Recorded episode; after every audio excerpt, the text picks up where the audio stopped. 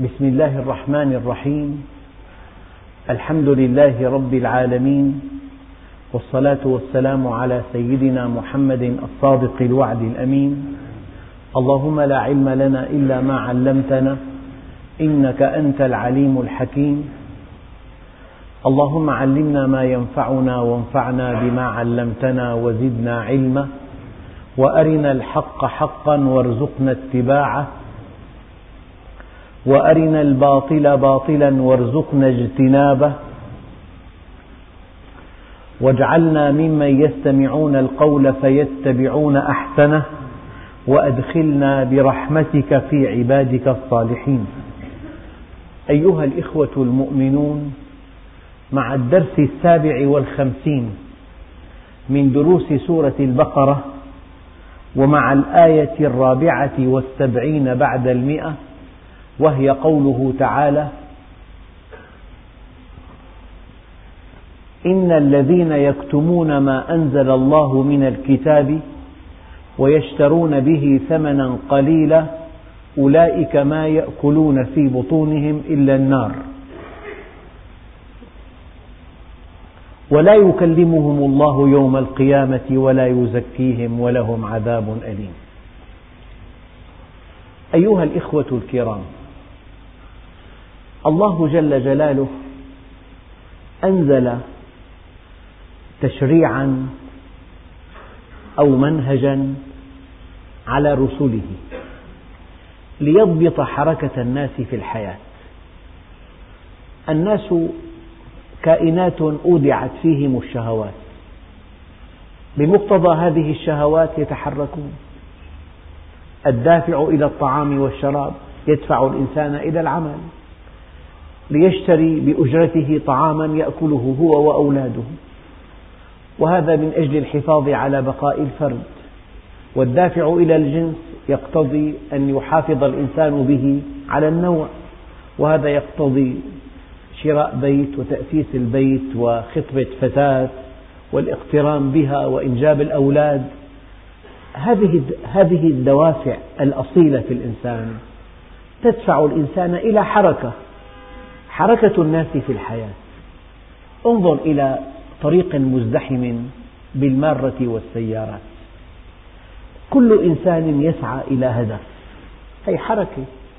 لولا هذه الدوافع التي أودعها الله في الإنسان لما رأيت حركة في الحياة. حركة الناس في الحياة. هذه الحركة جاء منهج الله ليضبطها ليجعلها في صالح الإنسان. في صالح الإنسان في دنياه وفي أخرى أيها الإخوة الإنسان محكوم في هذه الدنيا بأحكام شرعية. كل شيء له حكم شرعي. هذا حلال مباح. هذا حرام. هذا مكروه.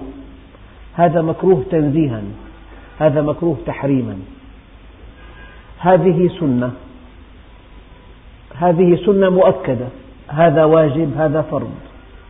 أي شيء يمكن أن تتحرك من خلاله له حكم شرعي. لماذا جاء الشرع؟ ليضبط حركة الإنسان في الحياة؟ ليأمره أن يفعل وألا يفعل. إن أمره ألا يفعل ينبغي ألا يتوهم الإنسان أن هذا النهي قيد لحريته إنما هو ضمان لسلامته. فإذا حرم الله على الإنسان أن يسرق قد يتصور أن هذا قيد. أنت محرم عليك أن تسرق ومحرم على ألف مليون أن يسرقوا منك. لصالح من؟ محرم عليك أن تفعل الفاحشة ومحرم على ألف مليون أن يفعلوا مع من يلوذ بك الفاحشة. هذا الشرع لكل المؤمنين بالأصل لكل الناس كافة لضبط حركتهم في الحياة. حينما تتوهم أن هذا الشرع قيد لحريتك فأنت لا تعرف شيئا. إنما هو ضمان لسلامتك. وإذا منعك من شيء منع كل الناس من هذا الشيء ضمانا لمصالحك وضمانا لحريتك وضمانا لكرامتك. إذا هذا المنهج هو الذي يسعد الناس في الدنيا ويسعدهم في الآخرة. منهج الله الأمر والنهي ويسبقه معرفة الله. هذا الذي يكتم هذا المنهج عن الناس أو يشوهه أو يزوره أو يختلق منهجا ويعزوه إلى منهج السماء. ماذا فعل؟ هذا أفسد على الناس طريق سلامتهم وسعادتهم. فأن تكتم الحق هذه جريمة كبيرة لأنك إن كتمت الحق أشقيت الناس. الإنسان لا يسعد إلا إذا طبق منهج الله. لا يسعد.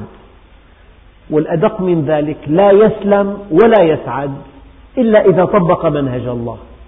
فإذا أغفلت هذا المنهج أو كتمته أو عتمت عليه أو شوهته أو زورته أو أدخلت فيه ما ليس منه أو حذفت منه ماذا فعلت؟ هذه جريمة.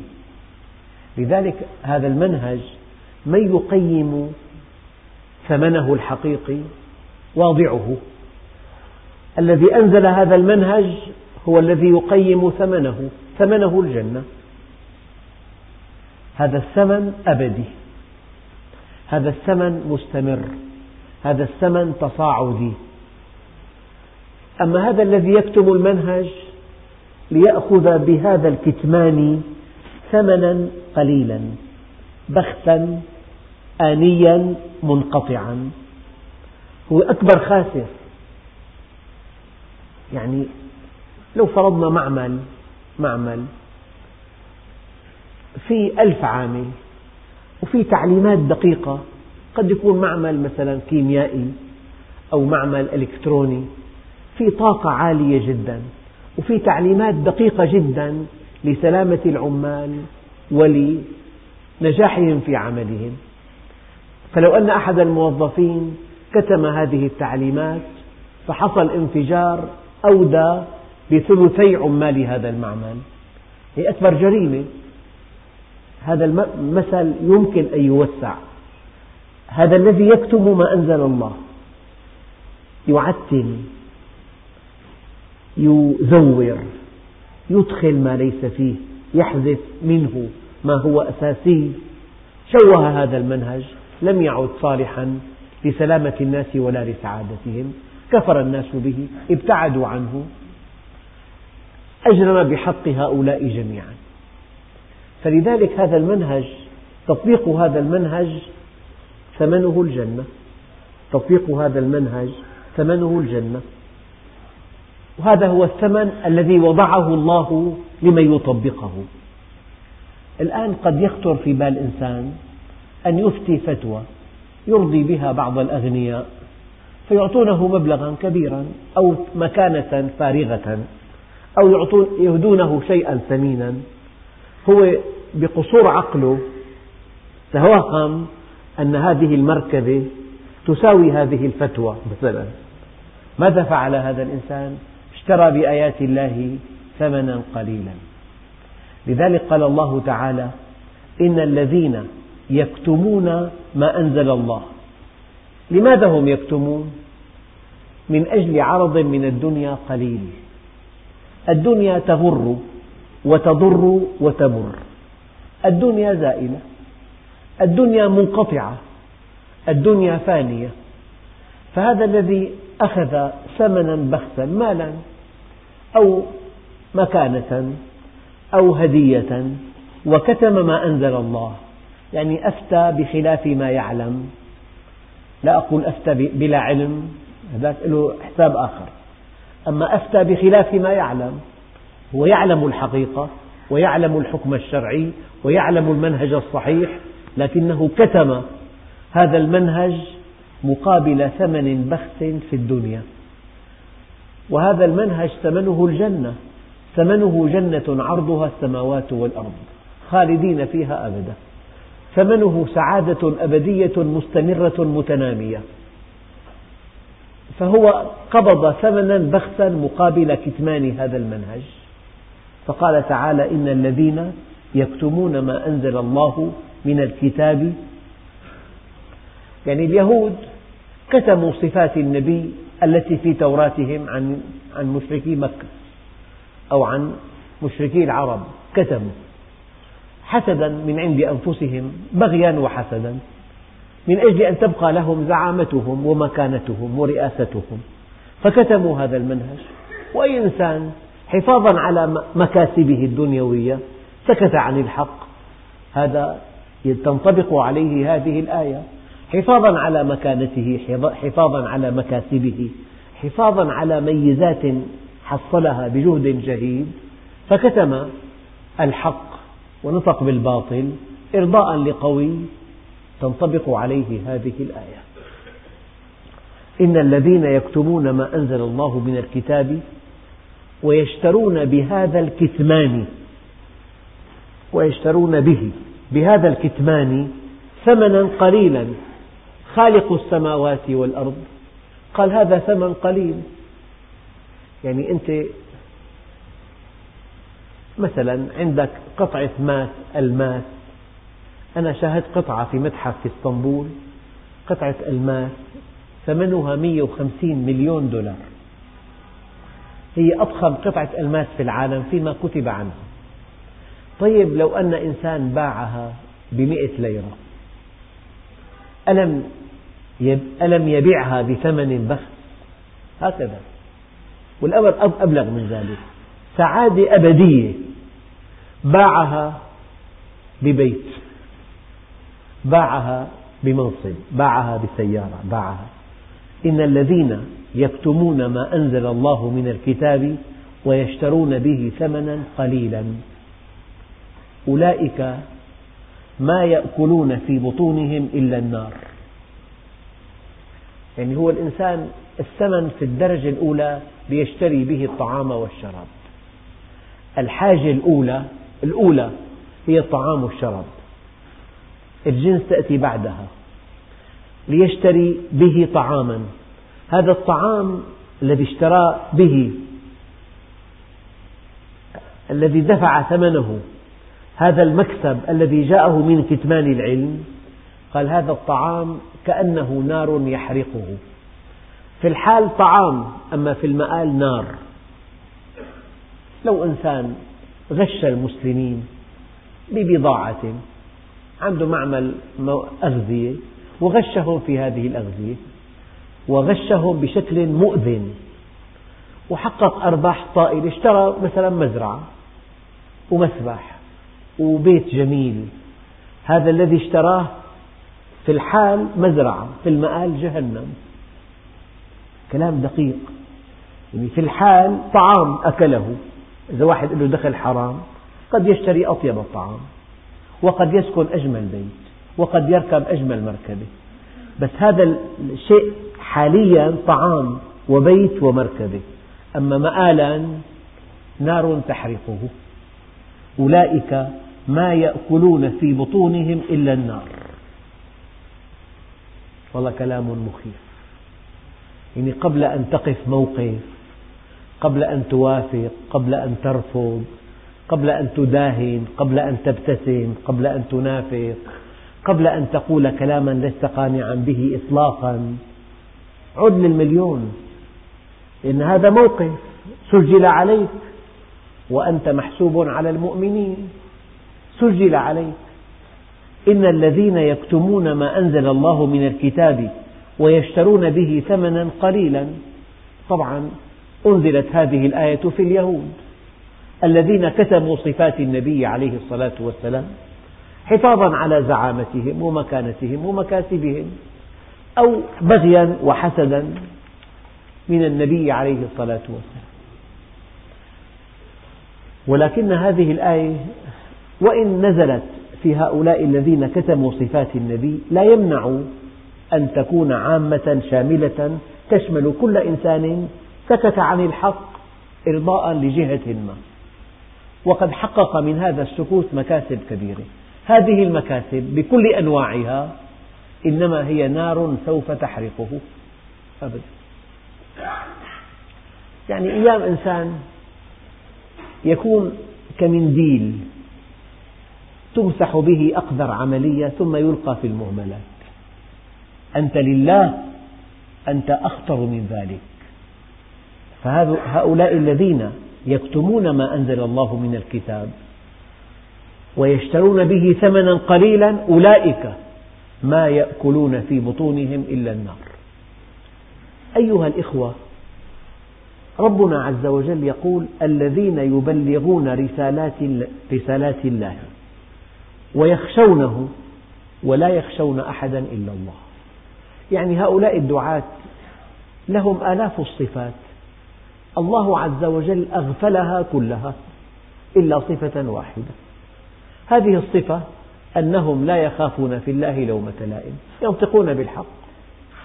ولا يخافون في الله لومة لائم لو أنهم نطقوا بالباطل خوفا من جهة ما. أو نطقوا أو سكتوا عن الحق خوفا من جهة ما. سقطت دعوتهم. ماذا بقي من دعوتهم؟ فيا أيها الإخوة الكرام أولئك الذين يكتمون ما أنزل الله من الكتاب ويشترون به ثمنا قليلا أولئك ما يأكلون في بطونهم إلا النار أي كل المكاسب التي حصلوها. إنما هي نار سوف تحرقهم والله قال لي مرة أحدهم يعني إنسان له مهنة يعني أساسها فيها ثقة طبيب بيقول لك مثلا حلل بتحلل. اشتري هذا الدواء تشتري. عملية عملية. المهنة أصحابها موثوقون. وفي الأعم الأغلب هؤلاء كذلك. أما إذا كان في حالات شاذة إنسان مثلا من أجل تجميع أكبر ثروة ممكنة. غش الناس في صحتهم. اقترح عليهم إجراء عمليات ليسوا بحاجة إليها. وحقق أرباح كبيرة منها. واشترى بيت فخم واشترى مزرعة فخمة. الإنسان البصير الذي أوتي فراسة يرى أن هذا البيت كأنه يشتعل بهم وأن هذه المزرعة كأنها تشتعل بهم. حينما تحصل مالا حراما على حساب صحة الناس أو على حساب سلامتهم أو على حساب أمنهم أو على حساب استقرارهم أو على حساب عواطفهم النبيلة. بأوروبا هناك من يخطف الأطفال يطلب مليون دولار. طبعا الأب يدفع بس هذا استغل العواطف المقدسة التي بين الآباء والأبناء وابتز بها أموال الناس. فكل إنسان يبتز أموال الناس. وعلى حساب قيمه ومبادئه هذا يأكل النار. أولئك ما يأكلون في بطونهم إلا النار ولا يكلمهم الله. طبعا العلماء قالوا لا يكلمهم كلاما مؤنسا. الله عز وجل يلعنهم. رب العالمين قد يرسل الملائكة لتلقي السلام على المؤمنين. تحيتهم يوم يلقونه سلام. رب العالمين آنس سيدنا موسى. يعني إنسان جالس ببيت جاء طفل ابن صاحب البيت ومعه لعبة. إذا أحب هذا الضيف أن يؤنس هذا الطفل الصغير ماذا يقول له؟ ما هذه التي بيدك؟ الضيف راشد بالغ عاقل راشد. ألا يعلم ما هي لعبة؟ يقول لهذا الطفل الصغير ما هذه التي بيدك؟ هذا كلام إيناس كلام تحبب كلام آه، في مودة. فربنا عز وجل قال وما تلك بيمينك يا موسى؟ هذا كلام إيناس. سيدنا موسى كان يجزئه أن يقول عصايا. بس فرصة لا تعوض أن رب العالمين يكلمه. قال هي عصاي يا رب. إيه؟ أتوكأ عليها. مفهوم. وأهش بها على غنمي. كمان مفهوم. يريد أن يطيل الحديث أي يطيل الكلام مع الله عز وجل. قال هي عصاي. أتوكأ عليها. وأهش بها على غنمي. وأراد أن يسمح الله له أن يطيل أكثر وأكثر. قال ولي فيها يا رب مآرب أخرى. يعني كأنه يتمنى أن يقول, أن يقول الله له وما هذه المآرب يا موسى؟ يريده حديثا طويلا جدا. هذا كلام إيناس أيها الإخوة كلام تحبب كلام ود. فبالجنة كما تعلمون فيها أنهار من عسل مصفى. فيها أنهار من خمر لذة للشاربين. فيها أنهار من لبن لم يتغير طعمه. فيها أنهار من ماء غير آت فيها جنات بساتين تجري من تحتها الأنهار فيها حور عين فيها ولدان مخلدون فيها فواكه مما يشتهون. قطوفها دانية لا مقطوعة ولا ممنوعة. هي كلها أشياء حسية بس فيها أعظم من ذلك. فيها النظر إلى وجه الله الكريم. إنكم ترون ربكم يوم القيامة كما ترون القمر ليلة البدر. قال تعالى وجوه يومئذ ناظرة إلى ربها ناظرة. طيب أنت لو دخلت لبيت وفي طعام نفيس جدا دعيت إلى طعام.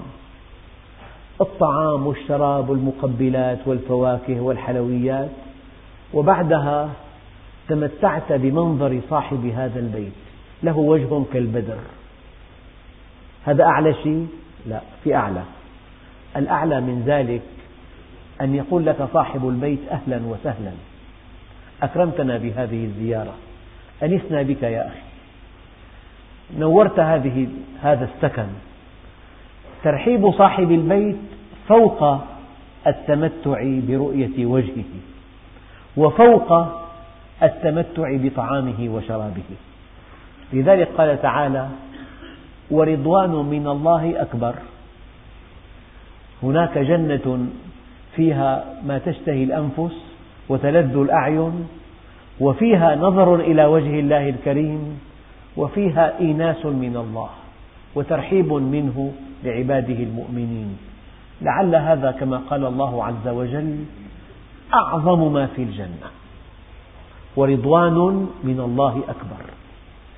فلذلك أكبر عقاب يعاقب به الإنسان يوم القيامة بس الآن ميت.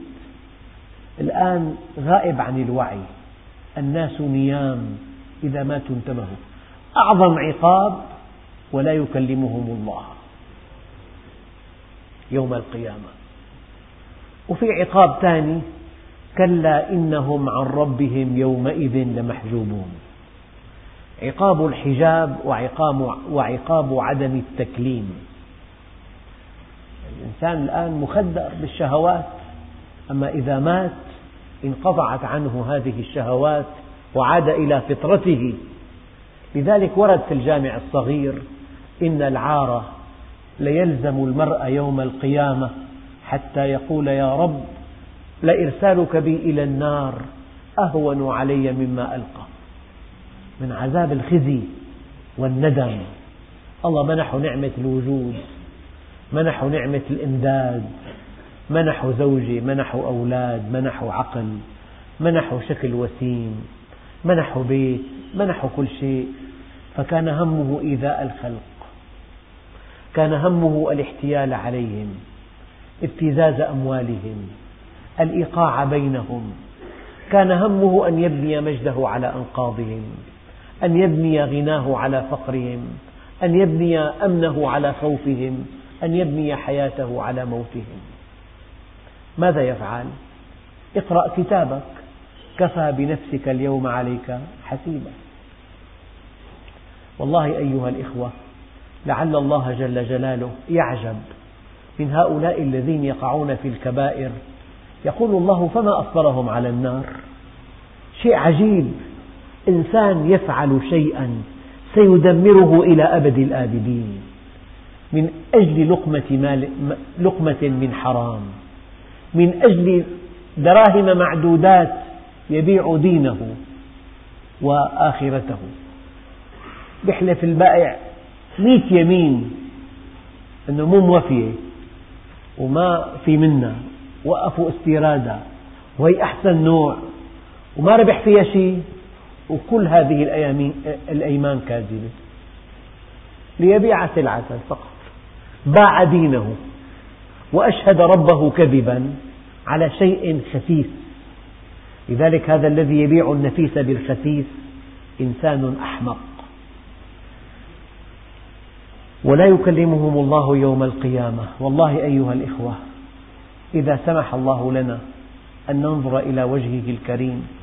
وأن يكلمنا يوم القيامة لهي السعادة العظمى أنه هو أصل الجمال أصل الكمال أصل النوال هو أصل كل شيء. ابن آدم اطلبني تجدني فإذا وجدتني وجدت كل شيء وإن فتك فاتك كل شيء وأنا أحب إليك من كل شيء. اللي عنده إحساس إذا كان ابن بضرب المثل حكمة. ابن مربى تربية عالية وله أب حنون عطوف وقور كريم حليم. هذا الابن المربى تربية عالية إذا أعرض عنه أباه أبوه يكاد يحترق. إعراض فقط ما ضربه. إعراض ما نظر إليه.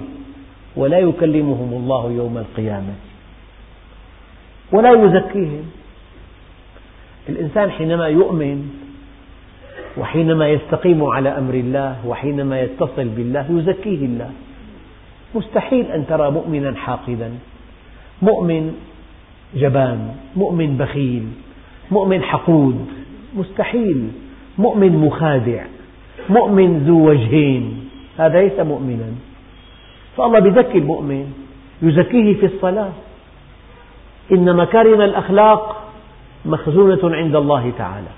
فإذا أحب الله عبدا منحه خلقا حسنا. ما هذا الأدب يا رسول الله؟ قال أدبني ربي فأحسن تأديبي. لا بيقولوا الألماس يمكن أغلى شيء في الأرض. يعني بالقراريط القراريط ثمن آلاف مؤلفة. أساسه فحم فحم فقط. جاء ضغط شديد وحرارة شديدة. فالمؤمن أيام يضغط ضغوط ضغوط.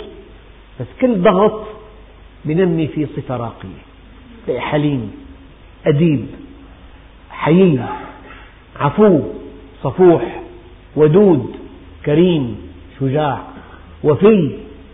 هي كلها الصفات نتائج تربية إلهية. ما هذا الأدب يا رسول الله؟ قال أدبني ربي فأحسن تأديبي. يا أخوان المؤمن له أدب عالي جدا. تلاقي نظره دائما يغض بصره عن عورات الناس. لسانه منضبط بالحق. يذكر الله كثيرا. حركته للإصلاح دائما. لا ينطلق لفاحشة ولا لإيذاء الناس. يتحرك للإصلاح فيما بينهم. ولا يكلمهم الله يوم القيامة ولا يزكيهم. ليت العذاب ينتهي أن الله لا يكلمهم ولم يزكهم في الدنيا. قال ولهم عذاب أليم ولهم عذاب أليم. فبربكم هل كانوا هؤلاء عقلاء حينما كتموا الحق؟ والله هناك من يكتم الحق دائما بكل عصر. هناك من يكتم الحق. أنا حدثني أحد علماء دمشق الأجلاء. كان في مصر. قال لي من غرائب الصدف أنني حضرت يعني نزعة أحد كبار علماء مصر وهو على فراش الموت. رفع يديه هكذا إلى السماء ومد أصبعيه وقال يا رب أنا بريء من كل فتوى أفتيتها في المصارف. يعني يبدو حينما كان في منصب ديني رفيع أفتى. أفتى إرضاء لزيد أو عبيد.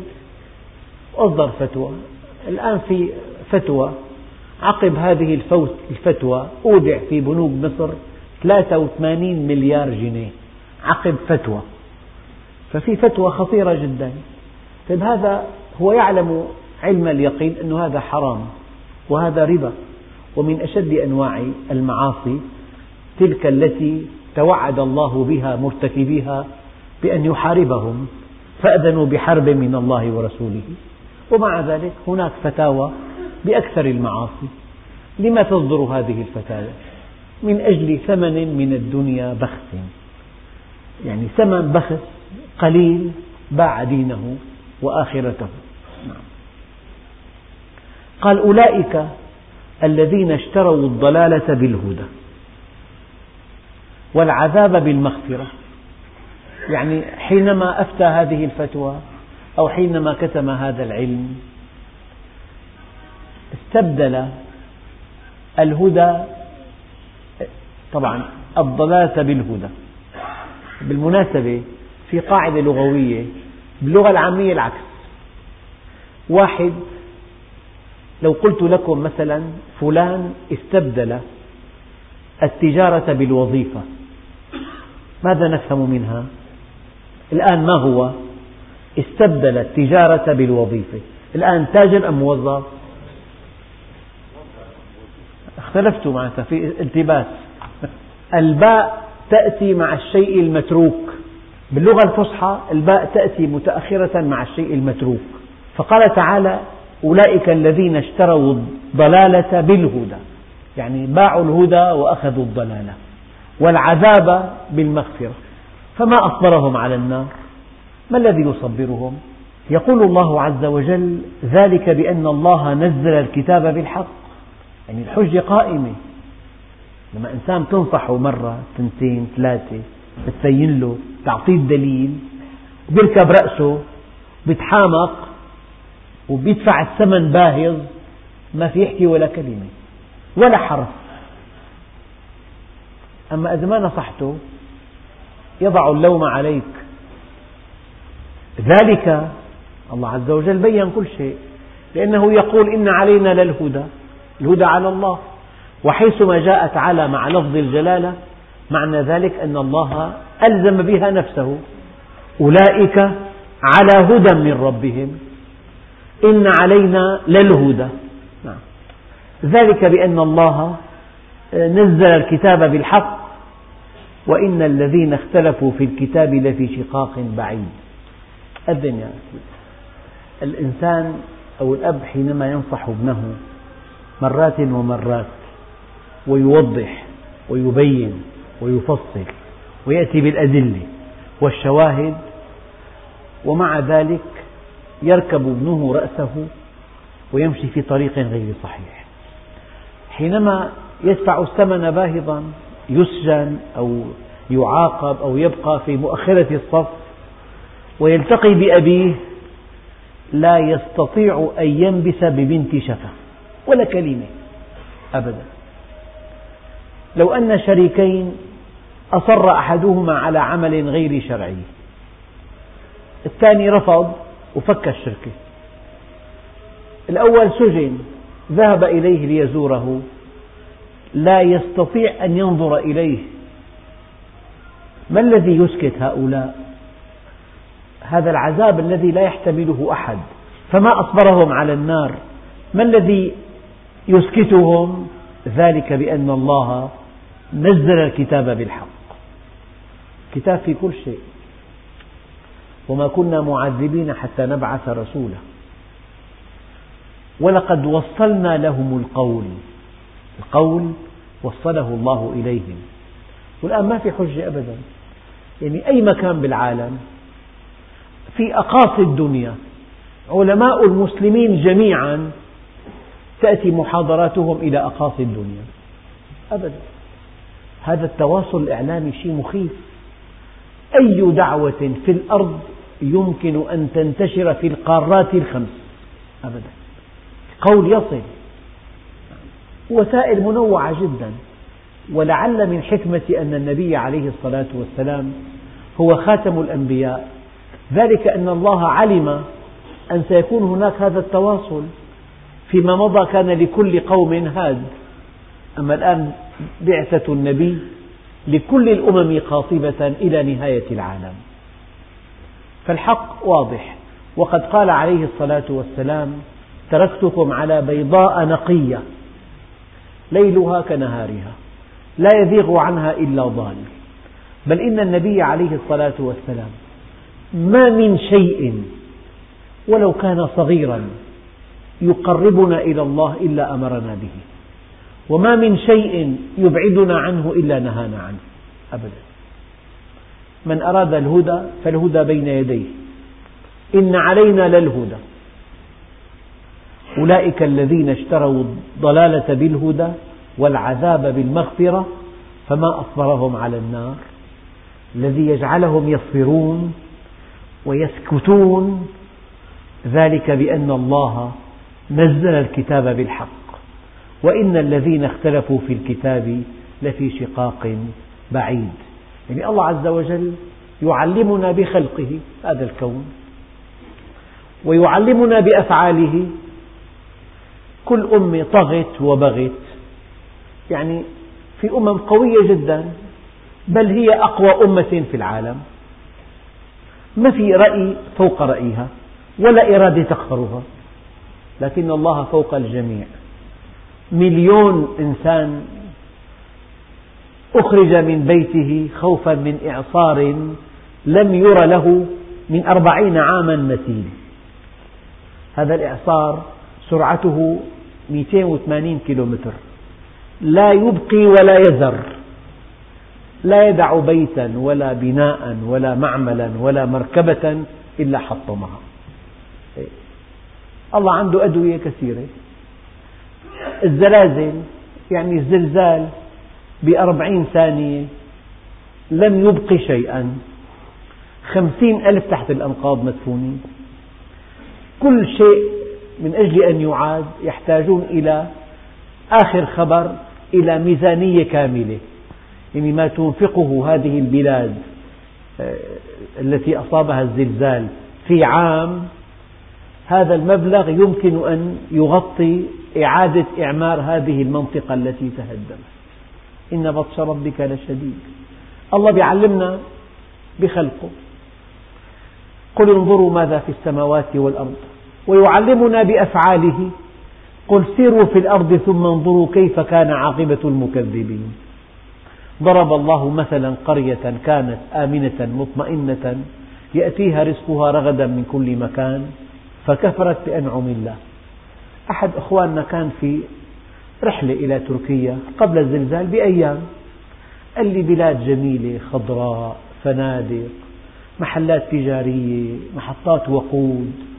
يعني وسائل رفاه وسائل تسلية سواحل للسباحة فنادق من ذوات النجوم الخمس جمال ساحر. قال لي العين لا تصدق أن هذا الجمال أصبح أنقاضا بأربعين ثانية. هكذا فعل الله عز وجل.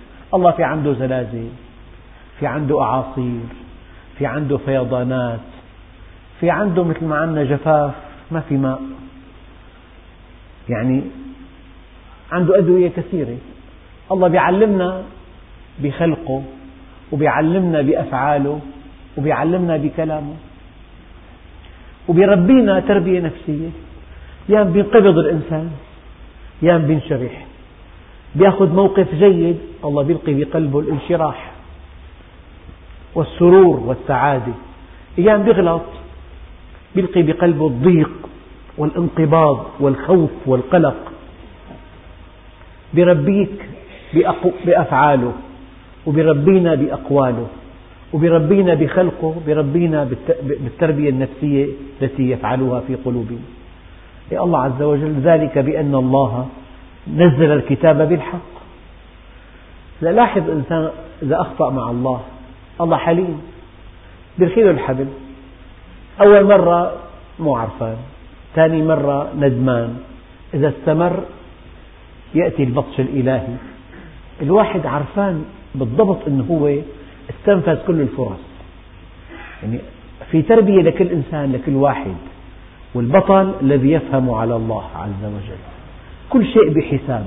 ما من عثرة ولا اختلاج عرق ولا خدش عود إلا بما قدمت أيديكم وما يعفو الله أكثر. ذلك بأن الله آه، نزل الكتاب بالحق وإن الذين اختلفوا في الكتاب لفي شقاق بعيد والحمد لله رب العالمين. السلام على سيدنا محمد الصادق الوعد الأمين. اللهم أغننا بالعلم وزينا بالحلم وأكرمنا بالتقوى وجملنا بالعافية.